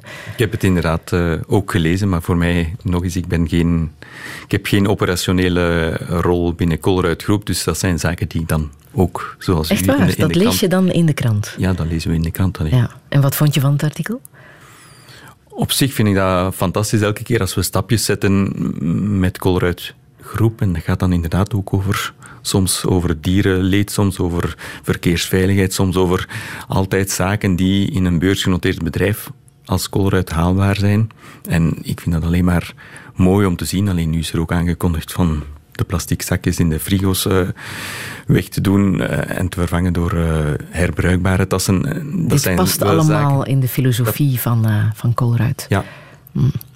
En dat past, allee, dat is ook dat is niet, niet toevallig. Dat zijn zaken waar meer en meer mensen terecht opmerkingen over maken. En dan we zoeken naar het goede alternatief en het goede moment om dat dan inderdaad ook te doen. Want eh, er zijn nog heel veel zaken waar je zou kunnen zeggen, ja, daar kan Colruyt toch nog verbeteren. Bijvoorbeeld rond, we hebben nog altijd heel veel bedrijfswagens en ook al is de helft daarvan op CNG, op aardgas en zo, dat blijft een fossiele brandstof. Dus in die zin. Maar een bedrijf kan ook niet anders als de wetgeving zo is dat de lasten daarop veel lager zijn dan op loonlasten. En je kunt toch niet van de consument vragen om geen bedrijfswagen te nemen als, als dat in het aanbod zit. Of je, kunt dat wel doen, maar dan maak je al minder aantrekkelijk als, eh, als bedrijf. Dus daarom, nog eens, is het belangrijk dat een overheid met een visie op lange termijn bepaalde eh, regelgeving aanpast, zodat dat bedrijven, sociale organisaties, burgers niet anders kunnen dan, of niet liever doen dan de betere alternatieven voor het klimaat eh, te kiezen. Ja, zoals bijvoorbeeld de beslissing van de plastic eh, zakjes te bannen tegen eh, oktober. Ehm, er komen eh, andere zakjes in de plaats, eh, eh, herbruikbare polyesterzakjes, die Colruyt dan zal verkopen en daar weer winst mee zal maken. Ik ga ervan uit, ik, nog eens, ik ken het dossier niet in detail, Mm. dat ze alle alternatieven bekeken hebben met papieren zakjes of kartonnen zakjes of andere zaken. En dat er dus wel goede redenen zijn om, Als je, ja, dat, zijn ook altijd complex. Ik heb er een professor over, gehoord die dat dan de verschillende alternatieven tegen elkaar afzetten. En die zei er zijn voor- en nadelen. En, en het was helemaal niet duidelijk. Maar eh, als je dan de LCA-analyse, de lifecycle-analyse maakt, zullen ze waarschijnlijk wel gekozen hebben voor iets dat en realistisch is, rendabel is en eh, het beste voor het milieu. Ja, maar toch altijd rendabel. Winst is dat is duidelijk een groot verschil dat een bedrijf als Colruyt, dat beursgenoteerd is, is het aan zijn aandeelhouders verplicht om te zoeken naar laagste kosten en efficiëntiewinsten en, en zoeken naar... Ik met mijn privékapitaal kan beslissen, mijn impacthouse kan beslissen om, om toch hogere risico's of af en toe een keer zelfs iets te steunen dat helemaal geen geld opbrengt. En dat kan een bedrijf niet, wettelijk zelfs niet. Ja. Winst is geen vies woord, zeg jij. Ja, dat is heel, voor mij heel duidelijk. En ik denk dat er meer en meer ingang vindt. En dat er een klein groepje van mensen blijft zeggen van dat winst echt een vies woord is. Maar het is in elk geval... Het is niet omdat iemand winst maakt, dat er iemand anders noodzakelijk verlies maakt. En dat is mijn levensmotto een- een bijna geworden van het leven is geen zero-sum game. Het is niet omdat iemand een voordeel doet dat er iemand anders moet uitgebuit worden. Nee, er zijn echt wel win-win situaties. En dat erkennen we te weinig. En dat is nu net wat mij drijft. Dat is, er zijn fantastisch veel mooie voorbeelden van win-win situaties, waar de enige die daar tegen is, iemand is uit jaloezie, die zegt van ja, maar ik had dat liever gehad. Maar er zijn wel degelijk als... Ik geef altijd het voorbeeld als iemand een blok klei verkoopt voor 10 euro en daar maakt een kunstenaar iets van dat hij voor 1000 euro verkoopt en de klant die dat, dat dan gekocht heeft, heeft die dan, is die in het zak gezet? Nee, die is fantastisch blij dat hij een prachtig kunstwerk heeft. En is die kleihandelaar in het zak gezet? Nee, die is ook niet in het zak gezet, want die is blij dat hem, een goede kunstenaar van hem zijn klei gekocht heeft. Dus het is, iedereen kan winnen daaraan. Het is niet omdat er ja, drie personen aan winnen, dat er ook iemand een verliezer moet zijn. Ja, en het gaat misschien ook niet altijd over geld. Hè. Zeker als het gaat over het klimaat, gaat het ook gewoon over de positieve impact op, eh, op de samenleving. Ja, maar geld is voor mij geen vies woord. En, en dus echt een middel. Geld is een ruilmiddel. Je kunt daarmee dus ook fantastische dingen doen. Eh, Gebruik het ook. Er is vandaag is er een markt van vraag en aanbod. Mensen kiezen als je zelf een reis boekt, dan zoek je naar de beste prijs-kwaliteit verhouding. Je gaat toch niet vrijwillig kiezen voor het minst goede. Nee, je kiest voor. Dus er zit een markt, is een gegeven dat sommige mensen willen en waarvan ik denk van nee, gebruik het gegeven dat er vraag en aanbod is en gebruik dat om de maatschappij mooier vorm te geven. Maar begrijp je de commentaren, de kritieken? Colruyt is ook wel de vijfde rijkste familie van ons land. Dat daar makkelijk eh, negatieve commentaar eh, Ja, ik begrijp komt. dat zeker, dat er allee, mensen zeggen het is gemakkelijk. En natuurlijk is dat ook gemakkelijk. Ik kan hogere risico's nemen, omdat ik wel nog een spaarpotje heb. Maar het is misschien door dat ik meer risico's neem, dat be- bepaalde dingen mogelijk zijn en waar dat iedereen dan kan aan profiteren. Allee, als ik in sociale huisvesting geïnvesteerd heb, dat was omdat we vaststellen dat er 180.000 gezinnen op de wachtlijsten staan en dat er geen geld is om sociale huisvesting. Terwijl eigenlijk vandaag is er geld genoeg op de bankrekeningen en je kunt perfect met sociale verhuurkantoren werken en een rendement van 3,5% hebben. Waarom doen we dat niet? En dat is wat we gedaan hebben. We hebben dat opgestart en we willen eigenlijk een beursgenoteerd bedrijf daarmee worden met Inclusio. En dat, dat is echt een, een keuze. Ja, waarom gebeurde dat vroeger niet? Blijkbaar omdat mensen zeggen, ja, maar dat is iets nieuws en 3,5% dat is toch geen geweldig fantastisch rendement voor iets nieuws. Ja, het is omdat mensen zoals ik dat wel durven proberen, ja, dat het ook voor iedereen gaat toegankelijk worden. Want iedereen gaat daar een aandeel op de beurs van Inclusio kunnen kopen en we gaan hopelijk zo die wachtlijsten van 180.000 gezinnen mee kunnen Ja. wegwerken. Communicatie is heel erg belangrijk hè, binnen de familie Colruyt. Er wordt eh, regelmatig samengezeten, de dingen worden op tafel gelegd, de moeilijke kaarten. Klopt het dat er een werkgroep eh, Rijk zijn is binnen de familie Colruyt? Het eh, Rijk zijn heeft ze nooit, was nooit de naam, maar dat was een werkgroep Geld en Ethiek, ehm, waar dat dan later ook ehm, een aantal zaken uitgegroeid zijn, maar dat sinds 2001 dat dat een thema is, dat mensen zich afvragen hoe kun je in onze situatie, iedereen in zijn situatie, als je een bakker bent, moet je in mijn ogen proberen om goed brood of, of, of, of kwaliteitsvol brood. Als je een architect bent, moet je mooie huizen bouwen. ja, als investeerder moeten we proberen met ons geld goede dingen te doen. En dat was eigenlijk de, iets dat een aantal mensen echt wel bezig hield en waar dat we eigenlijk ja, in 2017, 18 uiteindelijk zelfs een stichting gemaakt hebben. Waar denk ik, we kunnen heel het spectrum van um, geld op een andere manier bekijken. Kunnen we dat doen met een zaaikapitaal, met een sociaal impactfonds, met allemaal soorten. En dat zijn de zaken waar dat we al heel lang mee bezig zijn. En elk op zijn manier. En we zoeken naar ja, wat zijn de dingen die we samen kunnen doen, wat zijn de dingen die we alleen doen. Moeten rijken meer belastingen betalen? Ik vind dat een evidentie dat de sterkste schouders meer uh, belastingen betalen. En vandaag is dat zo als het gaat over lonen, maar er zijn heel wat andere zaken die niet in de inkomstenbelasting geteld wordt, waarvan ik denk van zouden we daar ook niet dat progressief belastingssysteem invoeren op alle inkomsten.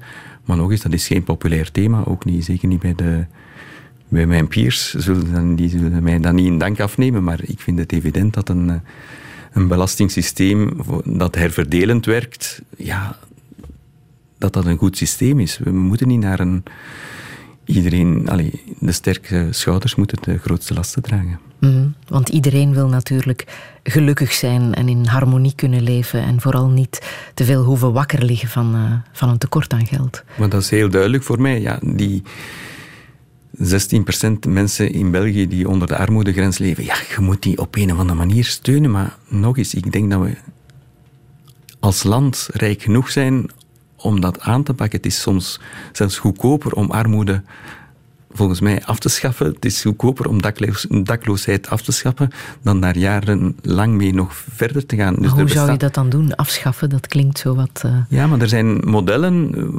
Eh, Armentekort in Antwerpen werkt met de 1% generatiearmen in Antwerpen. Die hebben een model gemaakt waarbij gezegd met buddywerking, waar iemand die een kansengever en een kansennemer eigenlijk samenzet, die gewoon samen elkaar ja, inspireert, maar ook gewoon uw eigen waarde omhoog krijgen. En dat het daarover gaat, uw empowerment van de mensen zelf. En er zijn succesverhalen, er zijn dingen die fout gelopen zijn. Maar dat is wel een manier om te kijken hoe kunnen we ja, een groot maatschappelijke uitdaging op een andere manier aanpakken dan gewoon zeggen van hier, we gaan die moeten geld geven en we gaan die pamperen. Nee, hoe kun je je eigen waarde vergroten? En dan werkt zo'n buddy systeem. Hetzelfde rond werkloosheid. We hebben een aantal innovatieve dingen waar dat je zegt van door Duo for Job, die vaststelt dat zowel mensen um, op pensioen of geprepensioneerden ja, een stuk zingeving missen, met heel veel ervaring op de arbeidsmarkt. Langs de andere kant heel veel mensen met een migratieachtergrond, jonge mensen in Brussel die geen werk vinden. Ja, koppelt die, maakt daar buddies van, maakt zet die gewoon zes maanden lang samen en één keer per week uh, dat ze elkaar zien en samen spreken over wat dat betekent, solliciteren, hoe dat je best een cv schrijft, maar ook gewoon elkaar leren kennen. En dat is zowel interessant voor de uh, Belgische uh, kansengever, ja, die ongelooflijk veel bijleert over die andere culturen, als voor mensen die een job zoeken, die ontdekken dat ja, qua cultuur andere manieren mogelijk zijn. En we zien dat dat fantastisch goed werkt. Duo voor job, dat is iets wat wij dan ontdekt hebben. Dat we eigenlijk zeggen van je kunt dat zelfs anders gaan financieren. Je zou kunnen met een social impact bond, dat is een sociale impactobligatie, een investeerder betaalt duo voor job om die opleidingen te organiseren. En een overheid betaalt enkel terug als het werkt. Dus eigenlijk als het werkt, voor een overheid, een werkloze kost 30, 35.000 euro per jaar aan gemiste inkomsten en aan uh, werkloosheidsuitvergoeding. Als je die ja, met een opleiding van 10.000 euro aan een job kan helpen, waarom doen we dat dan niet? En dat is het idee achter die sociale impactobligatie, waar wij de eerste met de VDAB gewonnen hebben in, in Antwerpen. Maar je geeft een VZW geld om een bepaalde oplossing te bedenken. En een overheid moet alleen betalen als het werkt. Dus voor de overheid kost het echt niks. Natuurlijk, het is ook rendabel als het werkt. En dan krijg ik natuurlijk kritiek, ja, hij doet het weer voor het geld. Maar ik neem ook het risico, als het niet werkt, ben ik het kwijt en niet de overheid. Dus in die zin, er zijn heel veel mooie oplossingen waar dat het echt een win-win-win is, zowel voor de VZ2, zowel voor de overheid als voor de investeerder.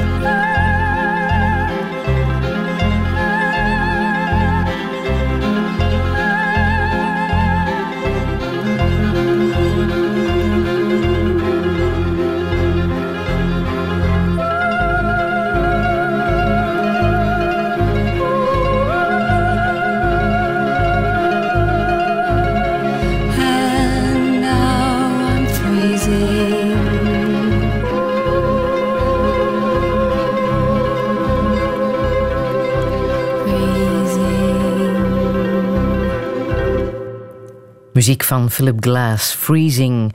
Geschreven door Susan Vega en eh, gezongen door Linda Ronstadt. En je hoorde ook het eh, Kronos Quartet. Het komt uit de cd Songs from Liquid Days uit 1986. Eh, Piet Kolruit, ja, het past bij jou. We weten ondertussen dat je van minimalistische muziek houdt. Hoe heb je dit leren kennen?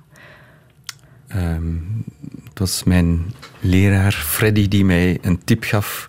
En dat was eigenlijk het eerste cd'tje dat ik gekocht heb. 930 frank was het.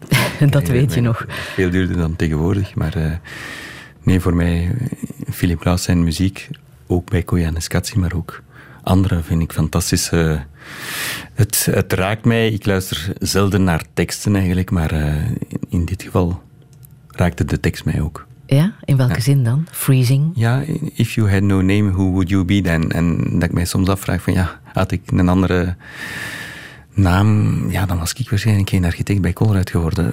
Dan was ik waarschijnlijk misschien niet met impact investing bezig geweest. eh, tenzij dat ik, ja, ik denk soms dat ik waarschijnlijk een architect die als eerste meer met passief bouwen en, en CO2-neutrale woningen zou bezig geweest zijn, maar dat is natuurlijk giswerk. Ja, waaraan merk je dat? Dat mensen extra geïnteresseerd zijn in contact met jou dankzij de familienaam? Maar sowieso, als investeerder ben ik op zoek naar nieuwe projecten. Allee, we hebben met ons fonds en met onze verschillende investeringsvehikels eh, verschillende petten op. En ik krijg heel veel aanvragen, 200 per jaar, dat ik nieuwe dossiers zie passeren. En elke keer zeg ik van ja, ik heb er eigenlijk al veel te veel. Ik ga het niet meer doen. Maar af en toe zit er dan toch wel zo'n pareltjes tussen waarvan ik denk, dat kan ik toch niet laten schieten. Ja. Dus eh, sowieso in het aantal spontane contactnames merk je dat. En heb je daar een radar voor ondertussen? Als je contact hebt met mensen. Maar ja, nee, de, ik, ik heb ondertussen wel wat geleerd over welke zaken die werken en niet werken. Ik heb uh, evengoed, ik kan een heel boek schrijven over zaken die tot, totaal fout gelopen zijn. Allee, dat is helemaal niet om mij over te schamen. Dat is normaal als je nieuwe dingen pioneert, dat er zaken fout lopen. En het gaat altijd over mensen. Uh, dat is een, beter een uh, minder goed businessplan met een heel goede team daarachter, dan omgekeerd een fantastisch idee met een verkeerd team. Dat gaat niet goed lopen. Uh, omdat sowieso je businessplan moet aangepast worden. Je moet agile kunnen re reageren, je moet flexibel kunnen zijn en op de markt inspelen. En dat kunnen we dan beter samen doen en zoeken naar betere... Maar het team is essentieel. Kan wel wat opleveren als je Piet Kolruit uitnodigt op een, uh, ik weet niet wat het was, uh, in 2013, 2014, ten huize Koen van Mechelen, de, de kunstenaar, die Roger Cox had uitgenodigd, de advocaat die uh, de Nederlandse klimaatzaak leidt. Jij was toen ook uitgenodigd hè, ja. op die... op die gespreksavond. Dus was Injas, Injas Schops is een vriend van mij ondertussen, maar die ook een sociaal ondernemer is. De man die eh, Nationaal Park Hoge Kempen bedacht heeft en eigenlijk daarmee internationaal wereldwijd eigenlijk gekopieerd wordt hoe dat je biodiversiteit en natuur kunt combineren met economie. Een heel mooi model. Dus ik ken Ias al een tijdje. Hij had mij gevraagd als ondernemer, investeerder, om te komen luisteren als we iets rond het klimaat wouden doen. En die avond daar Roger Cox gekomen is, die heeft op één uur tijd zo helder en zo duidelijk gezegd wat het probleem is, dat het, uh, ja, wat dat die twee graden opwarming wel betekent en dat dat CO2 die vandaag in de lucht hangt, dat is van 30, 35 jaar geleden. Dat is, we zitten nu al aan 1 graden opwarming en zelfs als we vandaag wereldwijd zouden stoppen met CO2-uitstoot, gaan we nog naar 3 0,3 graden Celsius opwarming. Van de vier warmste jaren ooit die waren 2018, 2017, 2016 en 2015. Dat waren de vier warmste jaren ooit. Mensen die vandaag nog beweren, en er is inderdaad misschien nog 1% van de wetenschappers die zegt van ja, het is misschien toch niet door de mens veroorzaakt. Maar dat is, lijkt mij, ik ben geen klimaatwetenschapper, maar dat lijkt mij niet redelijk om liever die mensen te geloven dan de 99%. En IPCC dat dat schrijft, ik dacht van, allee, kunnen we niet gewoon alle wetenschappers, de beste over heel de wereld bijeenzetten en een keer eindelijk te zeggen of dat, hoe dat dan nu zit met de klimaat. Want dat is wat dat er gebeurt, is IPCC is 190 landen, de beste wetenschappers, en die hebben een gemeenschappelijke, die maken rapporten, en het zijn in dat rapport in 2018, in het vijfde IPCC-rapport, dat ze eigenlijk nog eens harder aan de alarmbel trekken, omdat er echt wel vandaag moet gehandeld worden. En dat is voor mij, was dat zo helder uitgelegd. En ja, het feit dat wij die CO2 uitgestoten hebben, dat is niet India en niet Afrika, maar het zijn wel die landen die er het meest last van hebben. Dus tot anderhalve graad opwarming van de aarde zijn er nog altijd regio's die er eigenlijk voordeel bij halen. En eigenlijk zitten wij in zo'n regio. Dus wij gaan een beetje lekkere wijnen kunnen maken en wij kunnen als schot in Frankrijk leven. Maar vanaf anderhalve graden is het overal in de wereld uh, veel slechter. En hoe langer dan we wachten, ja, hoe groter de kost. En het is eigenlijk nu dat we moeten handelen. En dat was zo helder uitgelegd. En hij heeft dan ook in zijn betoog ja, gezegd van kijk, we hebben in de democratie, zoals we daarnet al zeiden, van, we hebben wel een probleem. Er is die catch-22, een politicus, politicus moet gesteund worden om daar iets te doen. In een democratie, in China, zouden kunnen dictatoriaal opleggen hoe dat het moet gaan gebeuren. Maar hier moet je nog herverkozen worden. Dus de enige, het enige middel dat we hebben in onze democratie, dat is de derde macht, de rechterlijke macht. En dat was zo helder op één avond uitgelegd, dat ik dacht, we moeten dat doen. We moeten dat ook in België doen. En ik vroeg dan aan Roger Cox, hoeveel heeft dat gekost uh, in uh, Nederland en uh, hoeveel zou dat kosten als we dat willen doen, starten in België. En eigenlijk op die avond hebben we gewoon gezegd van, we gaan dat doen. Ik had gezegd, oké, ik betaal de eerste werknemer die dat dan de fundraising gaat doen, die andere funds gaan zoeken en die de advocaten kunnen betalen. En uiteindelijk zijn er vandaag 2000 mensen die crowdfunden, die heel dat project meesteunen en 55.000 mede-eisers. En in Nederland heeft het wel degelijk al twee keer gewonnen. Mm Dus als we dat in 2014 beslist hebben, we gaan het doen, op 1 december aangekondigd, in België hebben we de complexe situatie dat er vier regeringen zijn die iets met klimaat te maken hebben. En dus moesten we de vier regeringen tegelijk aanspreken. En we hebben dus vier jaar lang gediscussieerd over de taal. De taal waarin dat, dat proces moet gevoerd worden. Wij hadden met klimaatzaak de wetgeving, de taalwetgeving gevolgd. En vermits dat drie regeringen in Brussel zitten dat tweetalig is en één regering in Namen dat enkeltalig Frans is, hebben we de wetgeving gevolgd en we moesten het in Frans doen. Dat heeft de Vlaamse regering en de andere regeringen ook altijd gecontesteerd. En na vier jaar in cassatie hebben we na, vier, na drie uitspraken nog eens gelijk gekregen. En dus dit jaar kan eindelijk de klimaatzaak starten. Ja, klimaatzaak om uh, ja, de overheid, de Belgische overheid in gebreken te stellen. Wat verwacht je daar nu van, van die, van die zaak? Voor mij en het is goed dat we ook over Sign for My Future, dat is een beetje, Sign for My Future gebruikt de vierde macht in een democratie. De klimaatzaak gebruikt de derde macht.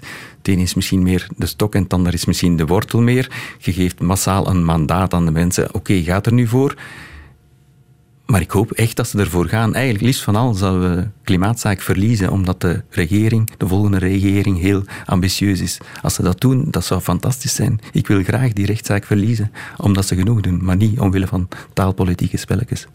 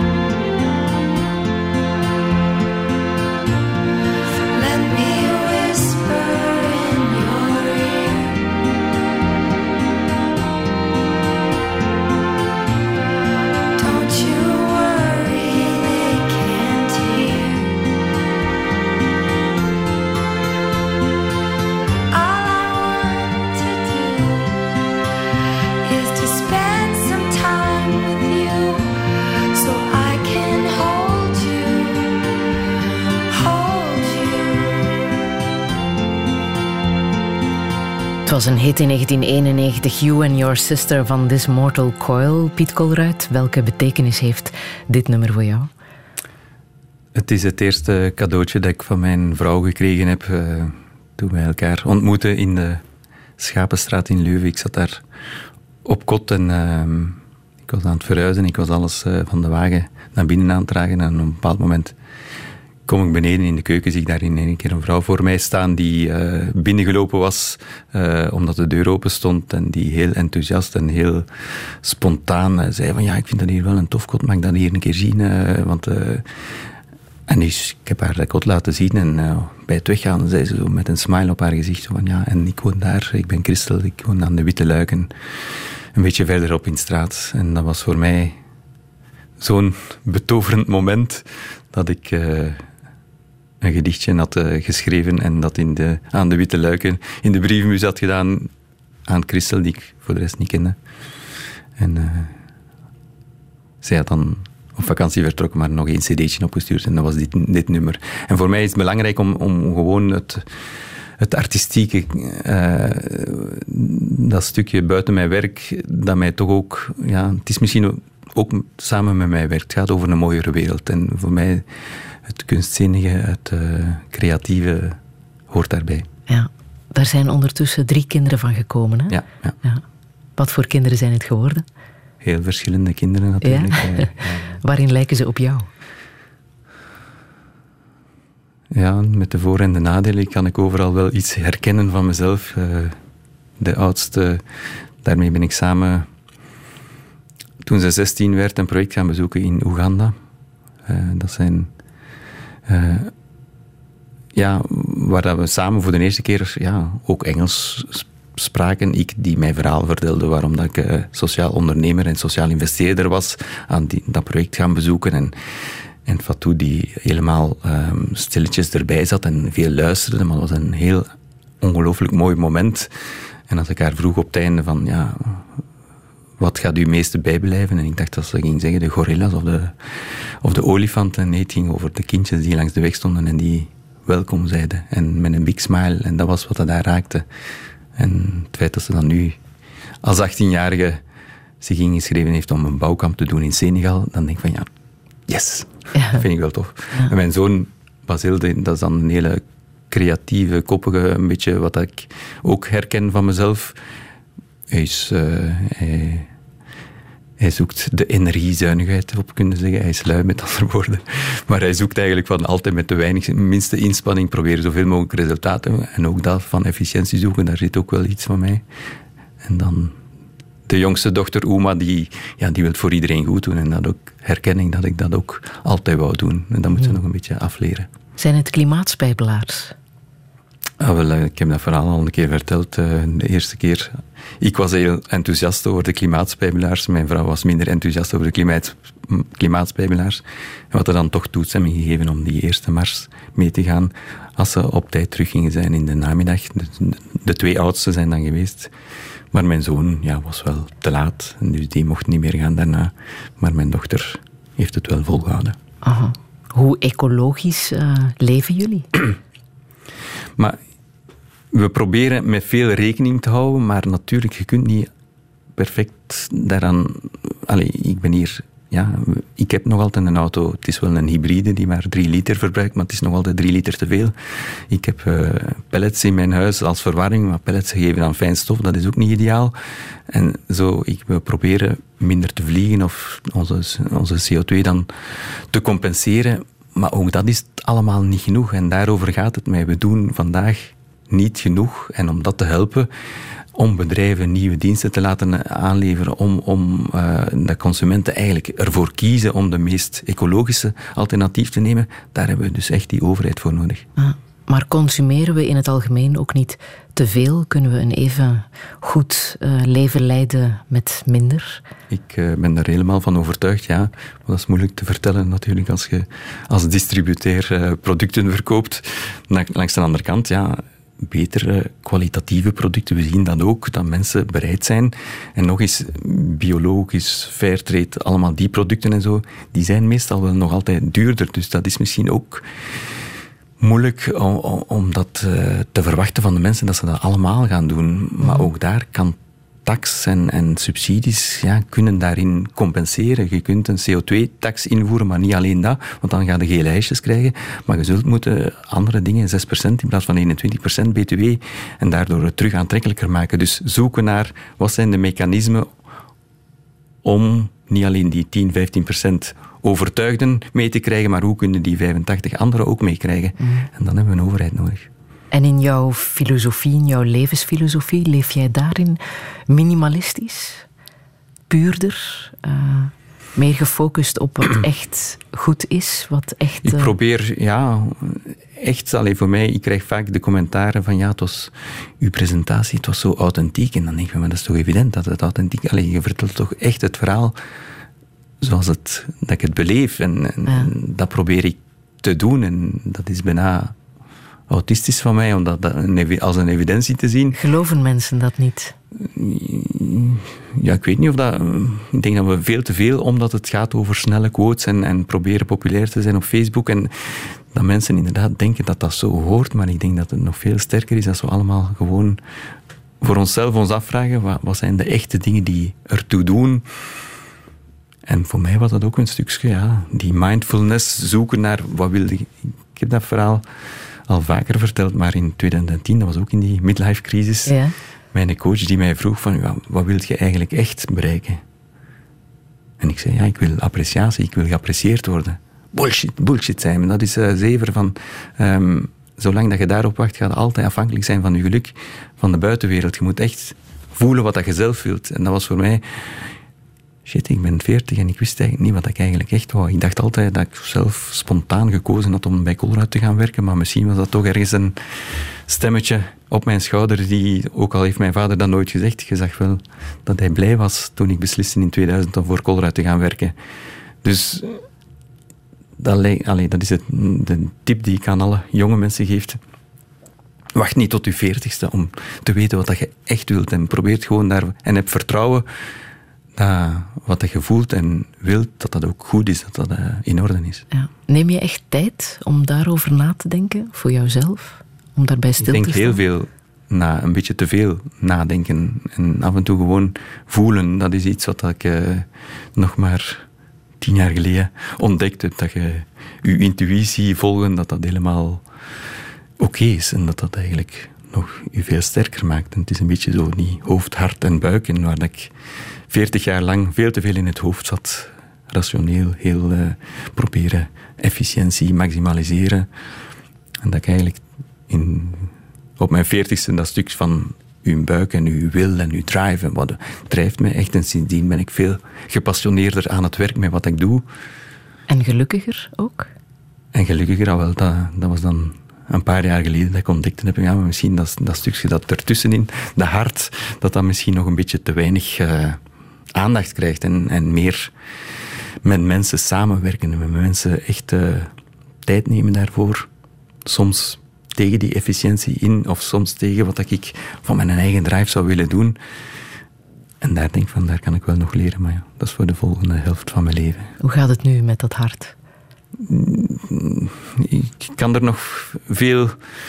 Ik eh, lees ook veel te weinig, maar twee, drie romans per jaar dat ik wel lees op vakantie. Denk, en vaak ben ik daar helemaal mee en ik denk dat je veel meer kunt leren van romans dan van eh, wetenschappelijke literatuur of managementboeken. En voor alles is een tijd, hè? In een mensenleven. Zeker. Ja.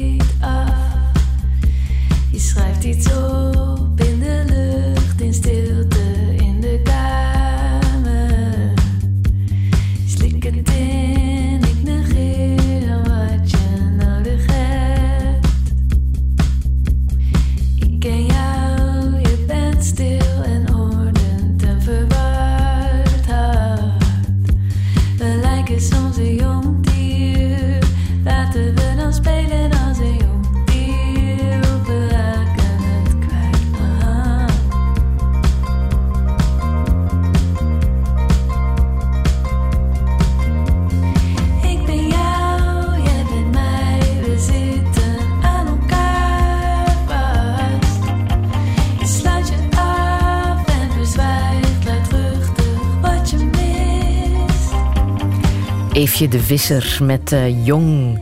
Piet Kolruit, wat zegt dit nummer over jou? Ik heb eh, twee jaar geleden of zo, denk ik, uh, Eefje de Visser ontdekt. En sindsdien is dat het nummer dat ik vaak heel luid in mijn wagen opzet en dan heel luid meezing. Dan zing Ehm. jij Je verzwijgt luidruchtig wat je mist. Voilà. Ehm, voor mij gaat het... Ik, ik luister over het algemeen heel weinig naar muziek, ook weinig naar teksten, maar de combinatie bij Eefje de Visser van ja, poëtische, mooie teksten, soms met woordspelletjes en zo, dat is iets wat dat mij wel helemaal ligt. En dan ook, ja, het feit dat het gaat over eh, jong zijn of je jong voelen en je gedragen als... eh, ik word eh, dit jaar 50 en ik voel mij absoluut geen 50. En dat is... ja, ik werk heel veel met jonge mensen, gedreven, gepassioneerd, en ik zie daar eigenlijk weinig verschil in. Waarschijnlijk kijken zij omgekeerd naar mij als een, oude grijze, wij, allee, hopelijk wijze, eh, een oude grijze man. Ehm, ja, maar ik denk van, nee, ik weet nog zoveel niet. Eh, ik heb wel bepaalde ervaringen, maar ik heb vooral een netwerk waarmee ik mensen in contact kan brengen. Ehm, maar als het gaat over ja, in het leven te staan en hoe, dan denk ik van ja, elke dag leer ik bij. Wat zou je echt nog willen in het leven? Ik, eh, ik had altijd gezegd, ik wou voor mijn vijftigste een boek schrijven. Eh, ik heb samen met drie andere auteurs allemaal Sociaal 3.0 geschreven, twee jaar geleden. Maar uiteindelijk hebben we beroep gedaan op een professionele schrijver. Dus dat was niet echt schrijven. En we hadden wel de boodschap meegegeven. Ja, het idee Maar dat komt kriebelt nog om nog echt wel een boek te schrijven. En, en zelf een, Een soort herziening van dit Nee, nee, nee. idee? Echt zelfs eerder een, eh, een verhaal. Een, eh, Ja? Ik, eh, ja, ik geloof heel hard. ehm, enfin, ik schrijf ook vrij gemakkelijk. Ik vind dat heel tof om creatief met woorden eh, dingen te doen. En dat is in, in dat boek allemaal sociaal, wat dat ja, non-fictie is, niet echt helemaal uitgekomen. Ik, vandaar dat ik droom om ooit eh, op een berg te gaan Hmm. zitten en tijd te nemen om een boek te schrijven. Ja, ja, ja. van de auteur Piet Kolruit. Ja. Ja. Welke boodschap wil je nog meegeven? Maar voor mij, ik heb echt getwijfeld om naar de studio te komen om, toen ik gevraagd werd voor een interview. Omdat ten eerste live, dat is altijd heel spannend.